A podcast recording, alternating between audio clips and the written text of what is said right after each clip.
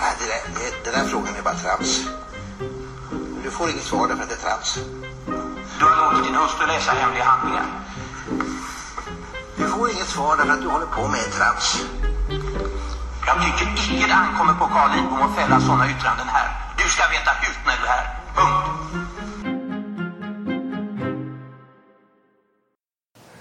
Välkomna till T1-podden med mig Patrik. Moa. Och idag har vi eh, civilminister Ardalan Shekarabi som på besök. Vilket vi är väldigt eh, stolta över. Vi är i och för sig på besök kan man säga. Ja, det ska vi säga att vi är på Jag är så Finansdepartementet. glad att ni är här. Jätteroligt. Ehm, och idag ska vi prata juridik och politik är tanken. Eh, och vi tänkte börja med att eh, du får säga vem du är. Hur brukar du presentera dig? Ja, vad brukar jag säga? Jag är trebarnspappa. eh, 40 år. Bor utanför Uppsala, eh, i Knivsta. Och eh, har också en bakgrund då, i Uppsala på yrkesprogrammet. Eh, både som student och lärare och doktorand en period också. Och jobbar som civilminister nu i regeringen. Då. Det innebär att jag är ansvarig för frågor som rör offentliga sektorn, så kommuner, landsting, statliga myndigheter, upphandlingar, statlig arbetsgivarpolitik. Och jag har världens roligaste jobb tycker jag. Det tycker vi också. Att han har eller Nej, att vi har världens roligaste jobb. Ehm, vi, eh, den här podden har ju väldigt mycket också som del i att visa att det finns olika typer av jurister och olika typer av bakgrund. Eh, och det, ofta som man ser är då mannen i den svarta kostymen, det är liksom bilden av juristen, det är den vi matas med i media och i serier och så vidare. Eh, och där är du också, du är också mannen i, i kostymen. Ehm, men eh, vem är du mer? Vad har du för bakgrund? Eh, hur kom du in på den här banan? Eh, det var nog kanske slumpen. Jag flyttade till Sverige när jag var 11 år gammal. Jag började på en eh, skola som heter Ninneskolan i Gävle.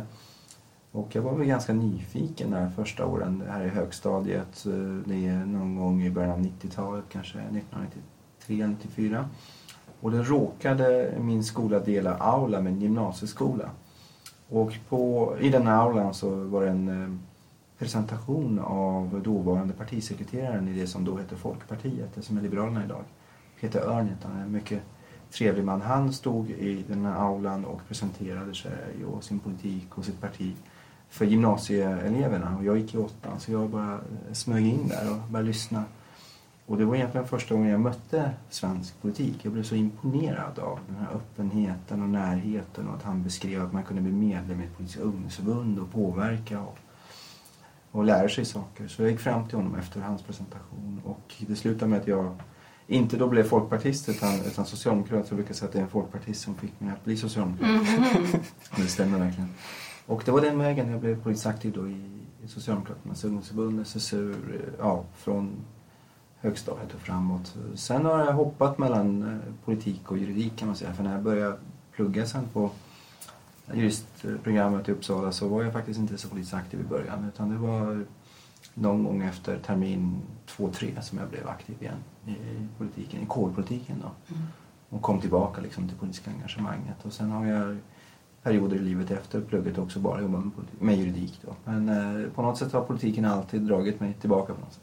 Gud vad spännande att du tar upp det här. För det är ju precis den här gränsen mellan juridik och politik. Att vara politiker, att vara jurist som vi vill prata om med Vad dig. roligt. Ja, nu spännande. beskrev du hur du blev politiker. Men hur, hur kom det sig att du valde att börja plugga juridik? Eh, jag har ju liksom alltid varit intresserad av samhällsfrågor. Eh, och det är som du säger också att, att juridiken ligger nära politiken. Så är man samhällsintresserad, politiskt intresserad så är juridiken ändå ett väldigt relevant eh, område. Mm. Eh, Men sen ska jag nog erkänna, det handlar väl ganska mycket om rättegångsfilmer också. Eh, Vilka? Juryn Time to Kill var ju en sån här stor Ah, eh, film då och flera andra såna stora eh, klassiker, rättegångsfilmer väckte ändå mitt intresse för juridiken som, och de skildrar ju en specifik del av juridiken, alltså rättegångsdramatiken eh, dramatiken liksom och Mm. sådär va. Eh, men eh, det väckte ändå liksom en nyfikenhet för vad juridik var. Mm. Eh, och sen när jag var klar med gymnasiet så, så valde jag ju mellan eh, statskunskap och juridik. Och juridik kändes ju mer konkret. Det kändes som att det var ett, eh, ett mer konkret verktyg om man är intresserad av samhällsfrågor och vill förändra. Mm. Så jag, jag, jag fastnade för juridiken även om jag egentligen hade också kanske till och med ett större intresse för statskunskap än jag hade för, för, för juridik. Så Men- för, för mig var det Perry Mason som var Vet ingångs... ingen vem det Nej är precis, det är jättejobbigt när man de pratar med studenterna. Nej, så här, okej då. Man flyttar till Ally McBeal, vet de inte heller vem det är längre. Så att, Var det här på Ellen McBeal var på 1900-talet? Ja, precis. Någonstans där på 1900-talet. Men vi, vi har formulerat en fråga till dig som är ungefär så här. När du är politiker, Mm. vilket du kanske är mest just nu, det är väl också en fråga, men hur mycket jurist är du? Jag kan säga så här att jag har stor nytta av de juridiska kunskaperna. Jag har precis eh, suttit nu med våra tjänstemän på Finansdepartementet och så har vi diskuterat flera frågor som handlar om kommunernas förutsättningar och förutsättningar för statliga myndigheter att erbjuda medborgarna bra service. Och då kommer man ju direkt in i juridiska frågor och det är en jättefördel att ha kunskap om juridik. Kunskap om, om den eh, juridiska metoden att, att, att, att, att kunna analysera frågor rättsligt och försöka hitta lösningar på problemen utifrån ett, ett juridiskt perspektiv. Så jag har jättestor nytta. Och sen har ju jag turen att hålla på med frågor politiskt som jag har hållit på eh, med juridiskt, som upphandlingsfrågorna. Mm. Det hade varit mycket svårare att åstadkomma eh, det som vi åstadkom till exempel under förra mandatperioden i upphandlingsfrågorna om jag hade saknat kunskap om hur eh, ja, reglerna för offentliga upphandlingar är uppbyggda och, Mm. och vilket eh, handlingsutrymme vi har som, som ett land i EU och vilka, vilket tolkningsutrymme vi har. Men hur är det då att diskutera med de som inte kan juridiken? Blir du frustrerad? Nej, det, det, det kan man inte bli utan, utan man får ju eh, också ha respekt för att, att människor har olika perspektiv. Mm. Och det, det, jag tycker att det är väldigt nödvändigt för, för jurister att, att se sig själva utifrån. Att, att, att för, försöka föreställa sig hur, hur icke-jurister uppfattar oss vårt sätt Mm. att Mm. Eh, analysera saker, vårt sätt att beskriva eh, problem eller konflikter. Mm. Vi ser ju saker och ting utifrån ett specifikt perspektiv men det finns så många olika perspektiv. Och, och när man håller på med politik så tvingas man ju ändå komma i kontakt med alla möjliga aspekter på en fråga. Mm. Juridiska, ekonomiska, den politiska verkligheten, den folkliga viljan. Eh, och försöka utifrån de här olika eh, ingångsvärdena ändå hitta lösningar. Mm. Och, och då måste man ändå hantera andra, andra perspektiv än juridiken med stor respekt och ödmjukhet. Mm. Men den andra delen av den här frågan är väl då när du var jurist Mm. till ditt yrke Mm.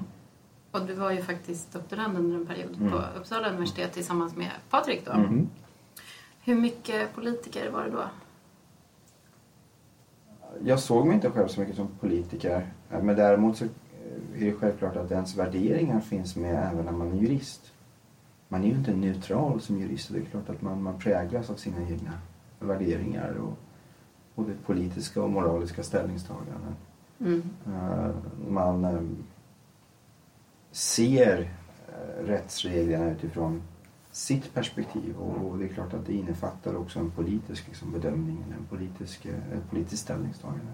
Mm. Och hur, för det, är, det är ju en diskussionsfråga i juridiken, här med objektiviteten, att man ska vara objektiv, värderingar ska inte styra.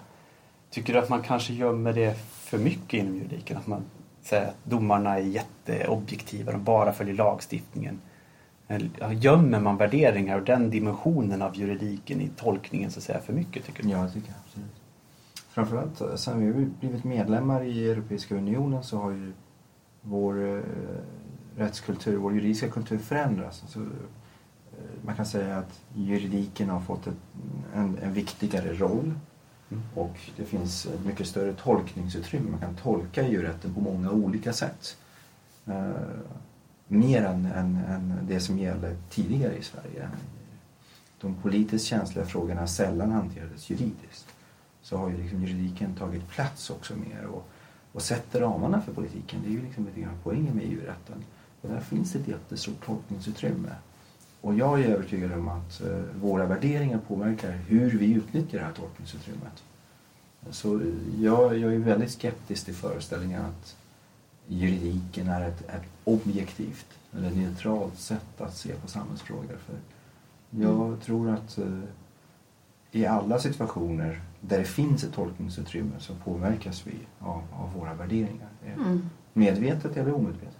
Men under juristprogrammet, åtminstone när jag gick i juristprogrammet, så fick man ju ganska starkt eh, inpräntat i sig att det var viktigt att skilja på juridik och politik. Mm. Ser du att det finns konflikter överhuvudtaget eller är det helt överlappande? Nej, men jag tror det är viktigt att man lär sig att, att, att eh, hantera rättsfrågor sakligt eh, Mm. och utifrån eh, rättsläget, utifrån gällande rätten kunna göra sakliga bedömningar. Men sen som sagt när det finns ett, ett, ett, ett tolkningsutrymme då gäller det att vara medveten om att ens värderingar påverkar hur man ser på saker och ting och hur man utnyttjar det här tolkningsutrymmet. Och vi som jobbar med juridik måste liksom ständigt påminna oss själva och lära oss metoderna för att också kritiskt se oss själva, hur våra värderingar påverkar Mm. vår tolkning av vad som är rätt och fel enligt, lagen. Mm. Mm, Kan du göra någon slags egen analys av din egen bakgrund? Tror du att det påverkar dig, var du kommer ifrån? Och då menar jag inte land, utan jag menar hela Mm. ditt liv. Liksom. Tror du att du Ja. är påverkad? Jo, men det är klart det gör. Det är klart. För mig har ju juridiken ändå handlat väldigt mycket om just ställningstaganden, om, om, om verktyg för samhällsförändring. Mm. Och, och det är klart att, att, att mina erfarenheter och, och, och det som format mig och mitt liv påverkar mitt förhållningssätt till juridik. Mm. Så, så är det. Så traditionellt brukar man prata om, om, om Sverige just att juridik och politik har skilts åt och att det har förändrats med EU-rättens inträde där man har angripit politik juridiskt på samma Mm. sätt genom att gå till domstol och så vidare. Mm. Hur mycket märker du av, så här, nu har du varit i politiken så Mm. på, på regeringsnivå under hela den tiden när Europarätten var där, men liksom, märker man av att det påverkar politiken här man tänker att ja, det kan bli rättsprövning av det här? Så att den här rättsliga dimensionen av politiken har det blivit mer närvarande? Ja, men vi har fortfarande inte riktigt landat i ett läge där vi kritiskt ser detta. Utan, utan eh, vi bara accepterar att det är så utan att ifrågasätta hur vi förhåller oss till, till juridik och politik. För att ja, i, i stor utsträckning så, så möter man i den här politiska vardagen ändå ramar som sätts av juridiken. Och då menar jag inte bara våra grundlagar som, som sätter liksom ramarna för bland annat regering och riksdagsarbete utan hur vi till exempel tolkar EU-rätten, vilket, vilket handlingsutrymme vi har inom olika områden. Frågor som rör till exempel utifrån mitt perspektiv då, statsstöd eller upphandlingsrätt eller andra EU-relaterade frågor. Där vet vi ju att, att eh, domstolarnas praxis och hur den här praxisen tolkas det påverkar väldigt mycket vårt handlingsutrymme som politiker i Sverige. Men, men vi är ju sällan med och påverkar den rättsutvecklingen. Alltså vi har ett ganska passivt förhållningssätt till juridik. Till skillnad från andra länder där, där regeringar eh, till exempel intervenerar mer, alltså man går in i, i, i processer i, i EU-domstolen och, och, och eh, har ställningstaganden och är med och med och påverkar egentligen då, den här praxisbildningen. Eh, Jag tror att vi är fortfarande kanske eh, påverkade av den historiska bilden av att- att juridiken är någonting som inte eh, lägger sig i det Mm. politiska beslutsfattandet. Men så är det ju inte idag. Utan, utan till och med i frågor som, som rör till exempel lokala demokratin, alltså hur, hur till exempel vilka förutsättningar kommunerna har, Mm. så sätts ramarna av, av, av domstolspraxis som bland annat kommer från EU-domstolen som handlar om hur man tolkar till exempel reglerna om offentlig upphandling. Mm. Och, och det är ju egentligen farligt då att som land inte se möjligheterna hur man kan påverka den här praxisen. Så att, så att våra förhållanden också beaktas när, när praxis bildas. Men har det här betydelse för juristerna också tror du? Och juristernas karriärmöjligheter och hur vi som jurister ska förhålla oss till Ja, samhället? jag tror att det, det behövs ju fler jurister i, i den politiska sfären i Sverige. Det är ju min bedömning. Eh, vi behöver ha mm, större kunskap om juridik eh, eh, i de politiska sammanhangen när politiska beslut fattas. Absolut, Mm. jag tror det. Jag har sett någon statistik någon gång just att svenska riksdagen har väldigt låg andel jurister i Mhm. förhållande till många andra länder. Eh, intressant. Och det ligger väl kanske lite också i den här traditionen att, Ja. Att man skiljer på de två. Ja. Mm.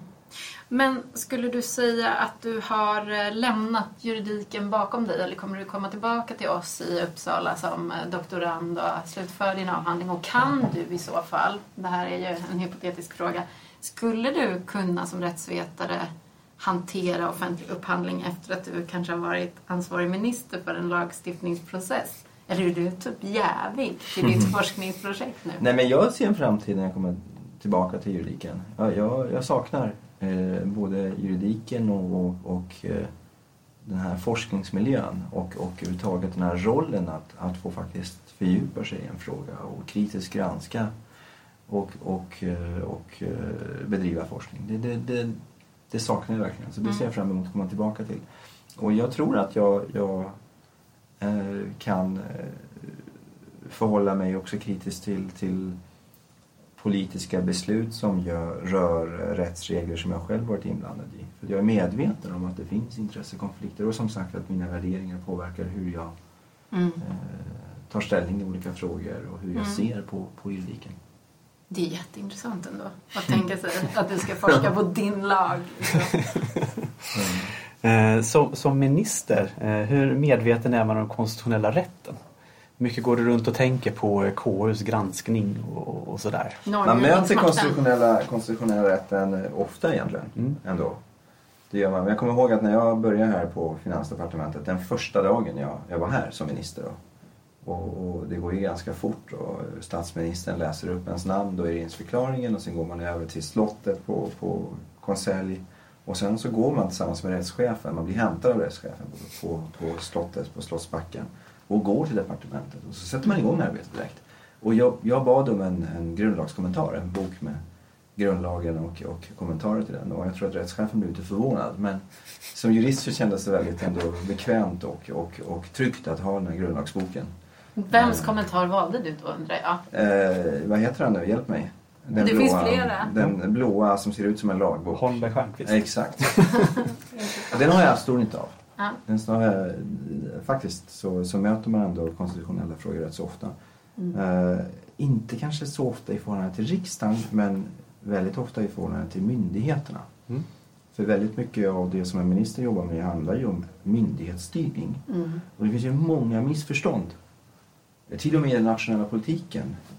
Eh, om eh, vilka förutsättningar eh, regering och, och, och statsråd har när det gäller myndighetsstyrning. Alltså det finns en rädsla för det som kallas för ministerstyre Mm. som studenterna säkert kommer att ha uppgifter kring. Ja. Så när får man lägga sig i beslut och när får man inte lägga sig i beslut som fattas av, av, av myndigheterna och hur långt går regeringens eh, makt egentligen, Mm. befogenhet att styra myndigheterna.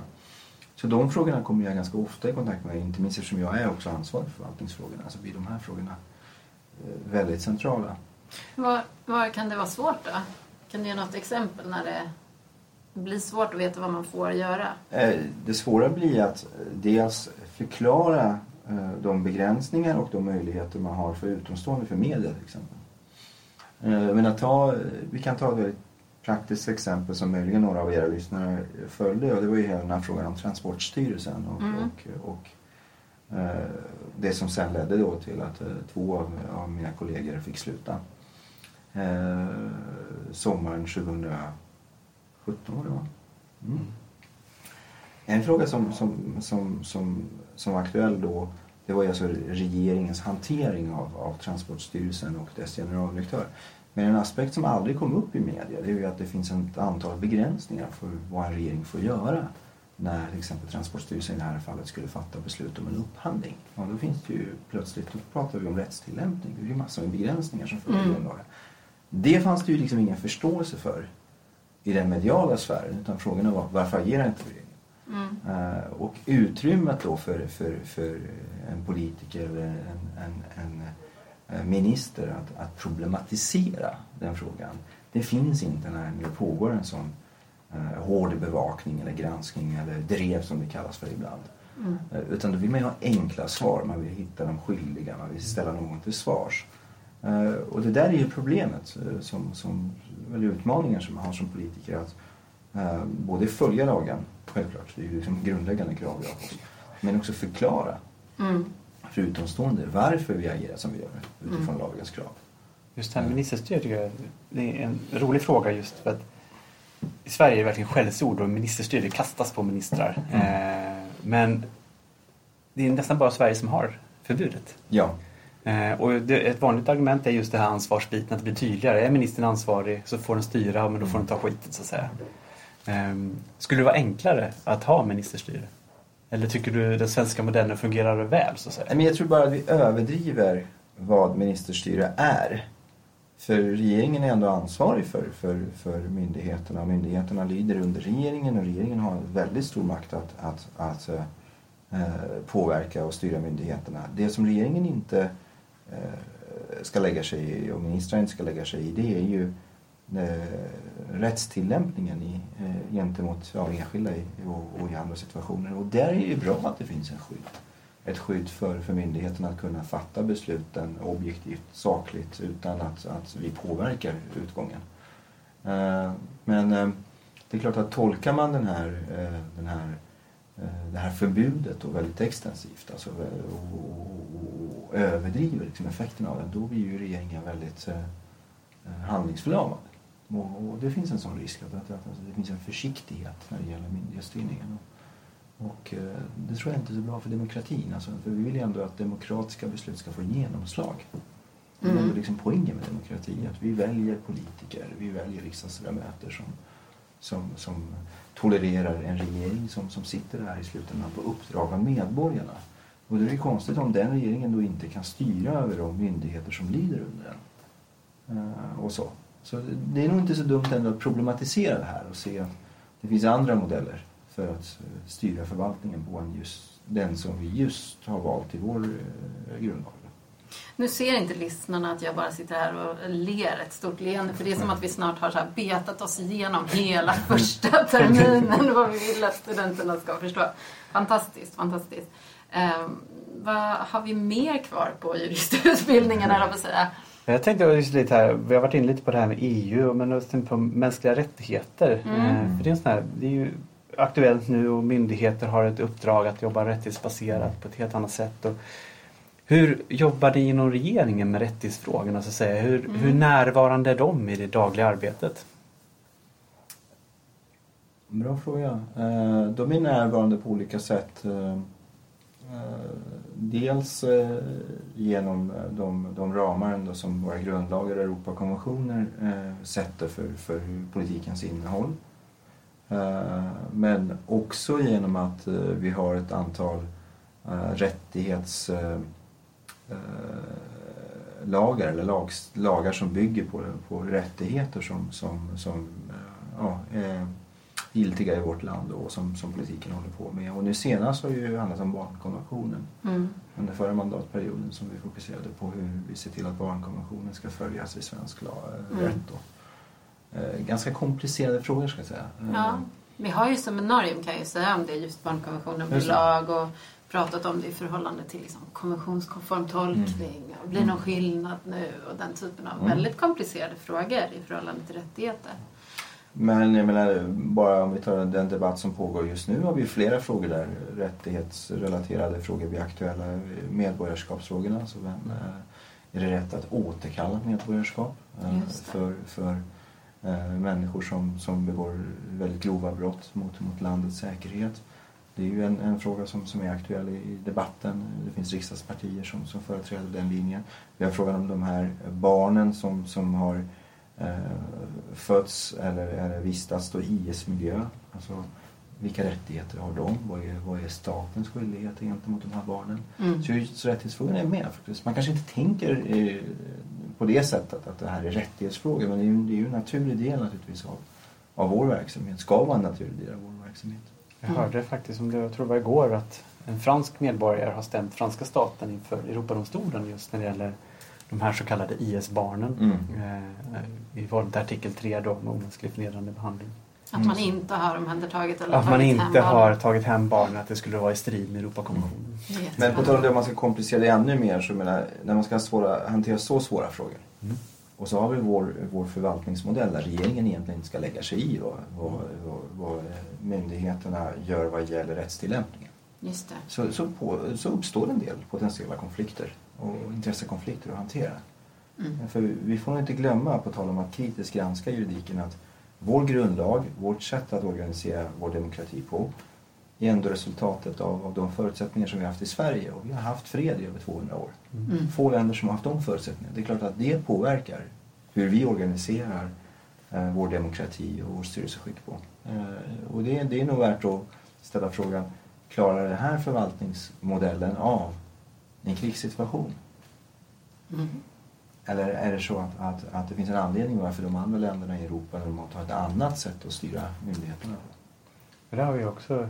Jag har ett eh, seminarium som heter Stresstest av RF. Oj, vad intressant! Eh, Ja. Där vi Ja, diskuterar det kommer jag ihåg, just det. eh, i ljuset utav eh, händelseutvecklingen i till exempel Ungern och Polen där partier har fått makten som har förändrat förutsättningarna för media, för domstolar, domare och agera för organisationer och så vidare. Och den samma bilden är väl att vi har inte så starkt skydd i vår regeringsform för den är precis som säger inte riktigt byggd för den versionen. Eh, är det en diskussion som är levande i regeringen? Alltså att man funderar kring hur, precis, hur skyddar vi vår demokrati? Hur skyddar vi vår konstitution? Ja, det är en fråga som, till som har varit aktuell de senaste åren. Eh, bland annat har det handlat om hur ser vi till att skydda våra, våra domstolars självständighet. Eh, och det var en fråga som var aktuell i samband med också eh, utredningen av vår grundlag senast. Eh, vi har eh, frågan om, om just myndigheternas eh, fristående roll. Vi har eh, frågan om public service och, och dess skydd, alltså skyddet för, för oberoende media. Eh, Så det är absolut frågor som är aktuella och det är ju för att vi ser i vår omgivning till och med inom den Europeiska unionen att vi har länder som väljer en mer auktoritär eh, ledning som, som, som begränsar vissa grundläggande fri och rättigheter. Nu senast har det varit rapporter om till exempel att självständiga universitet stängs ner eller indirekt tvingas stängas ner. Mm. Och då är frågan hur kan vi förstärka den svenska motståndskraften mot, mot auktoritära tendenser? Mm. Så spännande. Eh, Ja, det, jag tror att det, det finns en del att diskutera. Vi pratade en del om de frågorna tillsammans med docent Sofia Näström Mm. i en valpodd som vi hade precis dagen efter valet och Mm. diskuterade mycket det parlamentariska läget och otydligheter i konstitutionen. Mm. Att man inte riktigt var, visste riktigt hur man skulle tolka vad som gällde och hur man Mm. skulle göra och så vidare. Vilket ja, skulle kunna skapa viss oro också Mm. i samhället. Men då eh, så uttryckte Sofia en, en slags önskan om att juristerna skulle vara mer aktiva i tolkningen av konstitutionella principer och, och utvecklingen av konstitutionen. Att det inte ska förväntas vara en politisk fråga eller en statsvetenskaplig fråga eller en nationalekonomisk fråga för den delen. Utan att vi som jurister ska ta ett större ansvar för samhällsutvecklingen i stort. Jag vet inte vad du tänker om det, om Ja, jag har många juristernas tankar om plats. Ja. Eh, Nej, men jag uppfattar ju att eh, vi som verkar som jurister i en svensk kontext, kontext har eh, i väldigt stor utsträckning ändå eh, eh, vad ska man säga, påverkats av ett försiktighetstänk. Eh, Vi väljer alltid den mest försiktiga lösningen, den, den mest försiktiga tolkningen. Och, och det märktes faktiskt under den här perioden som, som, som eh, vi hade en övergångsregering. Jag satt ju i en övergångsregering. Va? Eh, från eh, egentligen då, ja, direkt efter valet kan man säga fram till dessa Hur lång tid blev det? Fyra månader ungefär? Mm. Det var så, fyra månader. Ja. Och, och då, det finns ju egentligen ingenting i vår grundlag som säger att en, en, en övergångsregering inte kan agera. Det finns ja, en viss begränsning då vad gäller möjligheterna att utlysa extraval. Men sen finns det ju praxis ett antal liksom, eh, restriktioner för, för övergångsregering. Men vi gick ju i tolkningarna av de här begränsningarna gick vi ju väldigt långt. Eh, till slut så kunde ju i praktiken en regering inte göra någonting. Eh, och det var ju tack vare juridiska tolkningar som jag har naturligtvis stor respekt för. Men, men frågan är ju om det är så att jurister har ett väldigt försiktigt förhållningssätt Mm. till det konsti- konstitutionella ramverket. Mm. Mm. Eh, Och om det är så att jurister skulle ta plats ännu mer så skulle vi i princip få en, en helt opraktisk situation. Det skulle inte gå att hantera krissituationer. Så det jag vill säga är att jag tror att också jurister behöver kritiskt granska hur vi förhåller oss till vår konstitution Mm. till vår grundlag. ett land måste ju ändå kunna styras även när en regering inte kunnat bildas. Mm, Och då är frågan hur, hur, hur liksom, vad är juristernas roll i det här?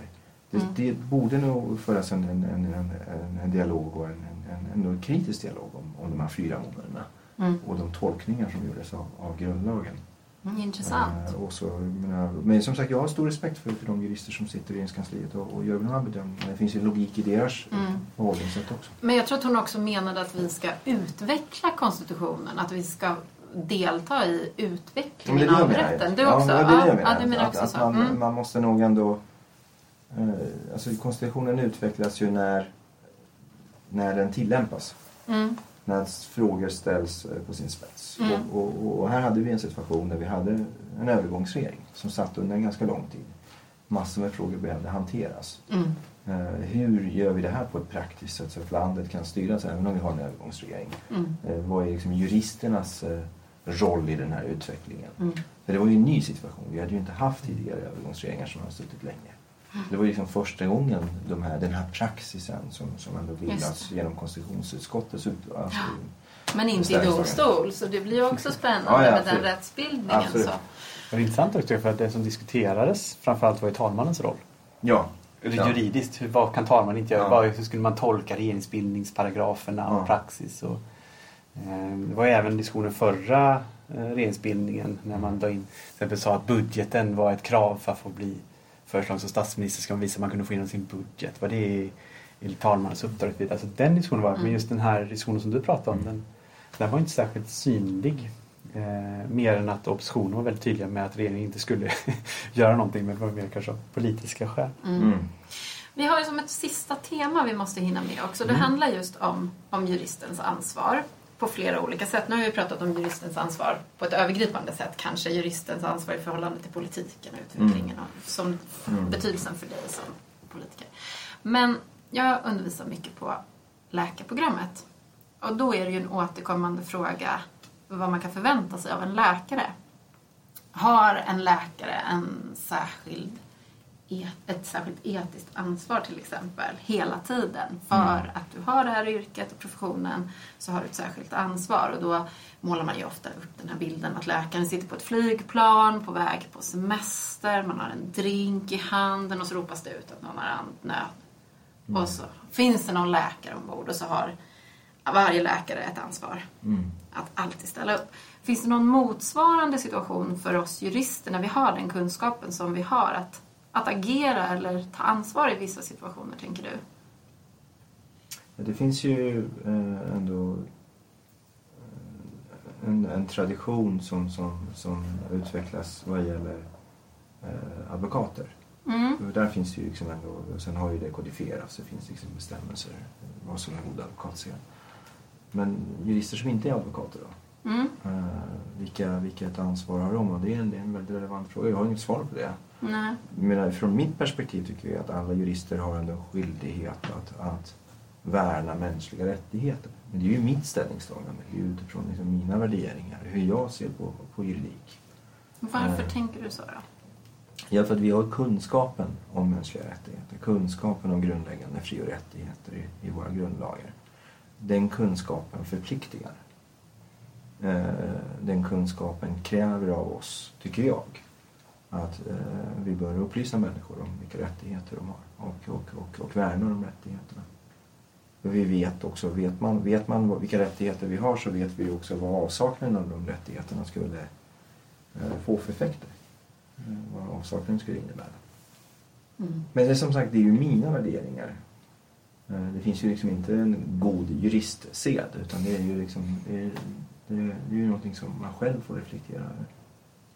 Det? Men jag tänker att det finns vissa saker om att man ska vara noggrann och inte slarvig med juridiken till exempel. Och allt det här du sa om att vara medveten om sina egna värderingar. Jag tycker du har sagt ganska många saker. Det är så? Ja, Ja. det tycker jag. Ja, det är bra. Mm. Det vi diskuterar från vårt perspektiv på universitetet som forskare. Ja. Vi har liksom att delta i samhällsdebatten Mm. när vi tycker att nu, nu, nu är de ute och seglar eh, när de diskuterar någonting och gå ut och rätta till eller förklara så här är det, det här. Liksom. Mm. Ehm, och kanske också just mänskliga rättigheter där vi Mm. har ett särskilt uppdrag också att utbilda Mm. eh, myndighetspersoner till exempel i Mm. mänskliga rättigheter. Vad tycker du att vi inte får glömma då på juristutbildningen? Finns det något särskilt som du vill säga till juriststudenterna här? De här är dessutom helt i början av utbildningen som framförallt lyssnar Nej, men dels handlar det om att, att, att se juridiken som, som, som ett verktyg för, för, för att eh, få samhället att fungera, för att förändra ett samhälle. Men också att vara medveten om att vi behöver se på juridiken med kritiska ögon. För, för, för som sagt, våra värderingar påverkar hur, hur, hur vi tillämpar lagen. Och då är det viktigt att vi är medvetna om det och att vi kritiskt faktiskt tänker på det. Eh, så att vi uppnår de syften som, som, som våra grundlagar har. Alltså lika behandling av människor, saklighet, partisk, opartiskhet. Det är klart att, att det där kommer ju inte per automatik. Utan det kräver ju att, att vi har också ett kritiskt tänk och att vi vågar se juridiken med kritiska ögon. Jag tycker det, vi låter det vara Ja. avslutningen. Tackar så jättemycket för att du ställde upp och var med i podden. Roligt. Tack, det var väldigt roligt eh, för mig att få vara med. Tack så mycket.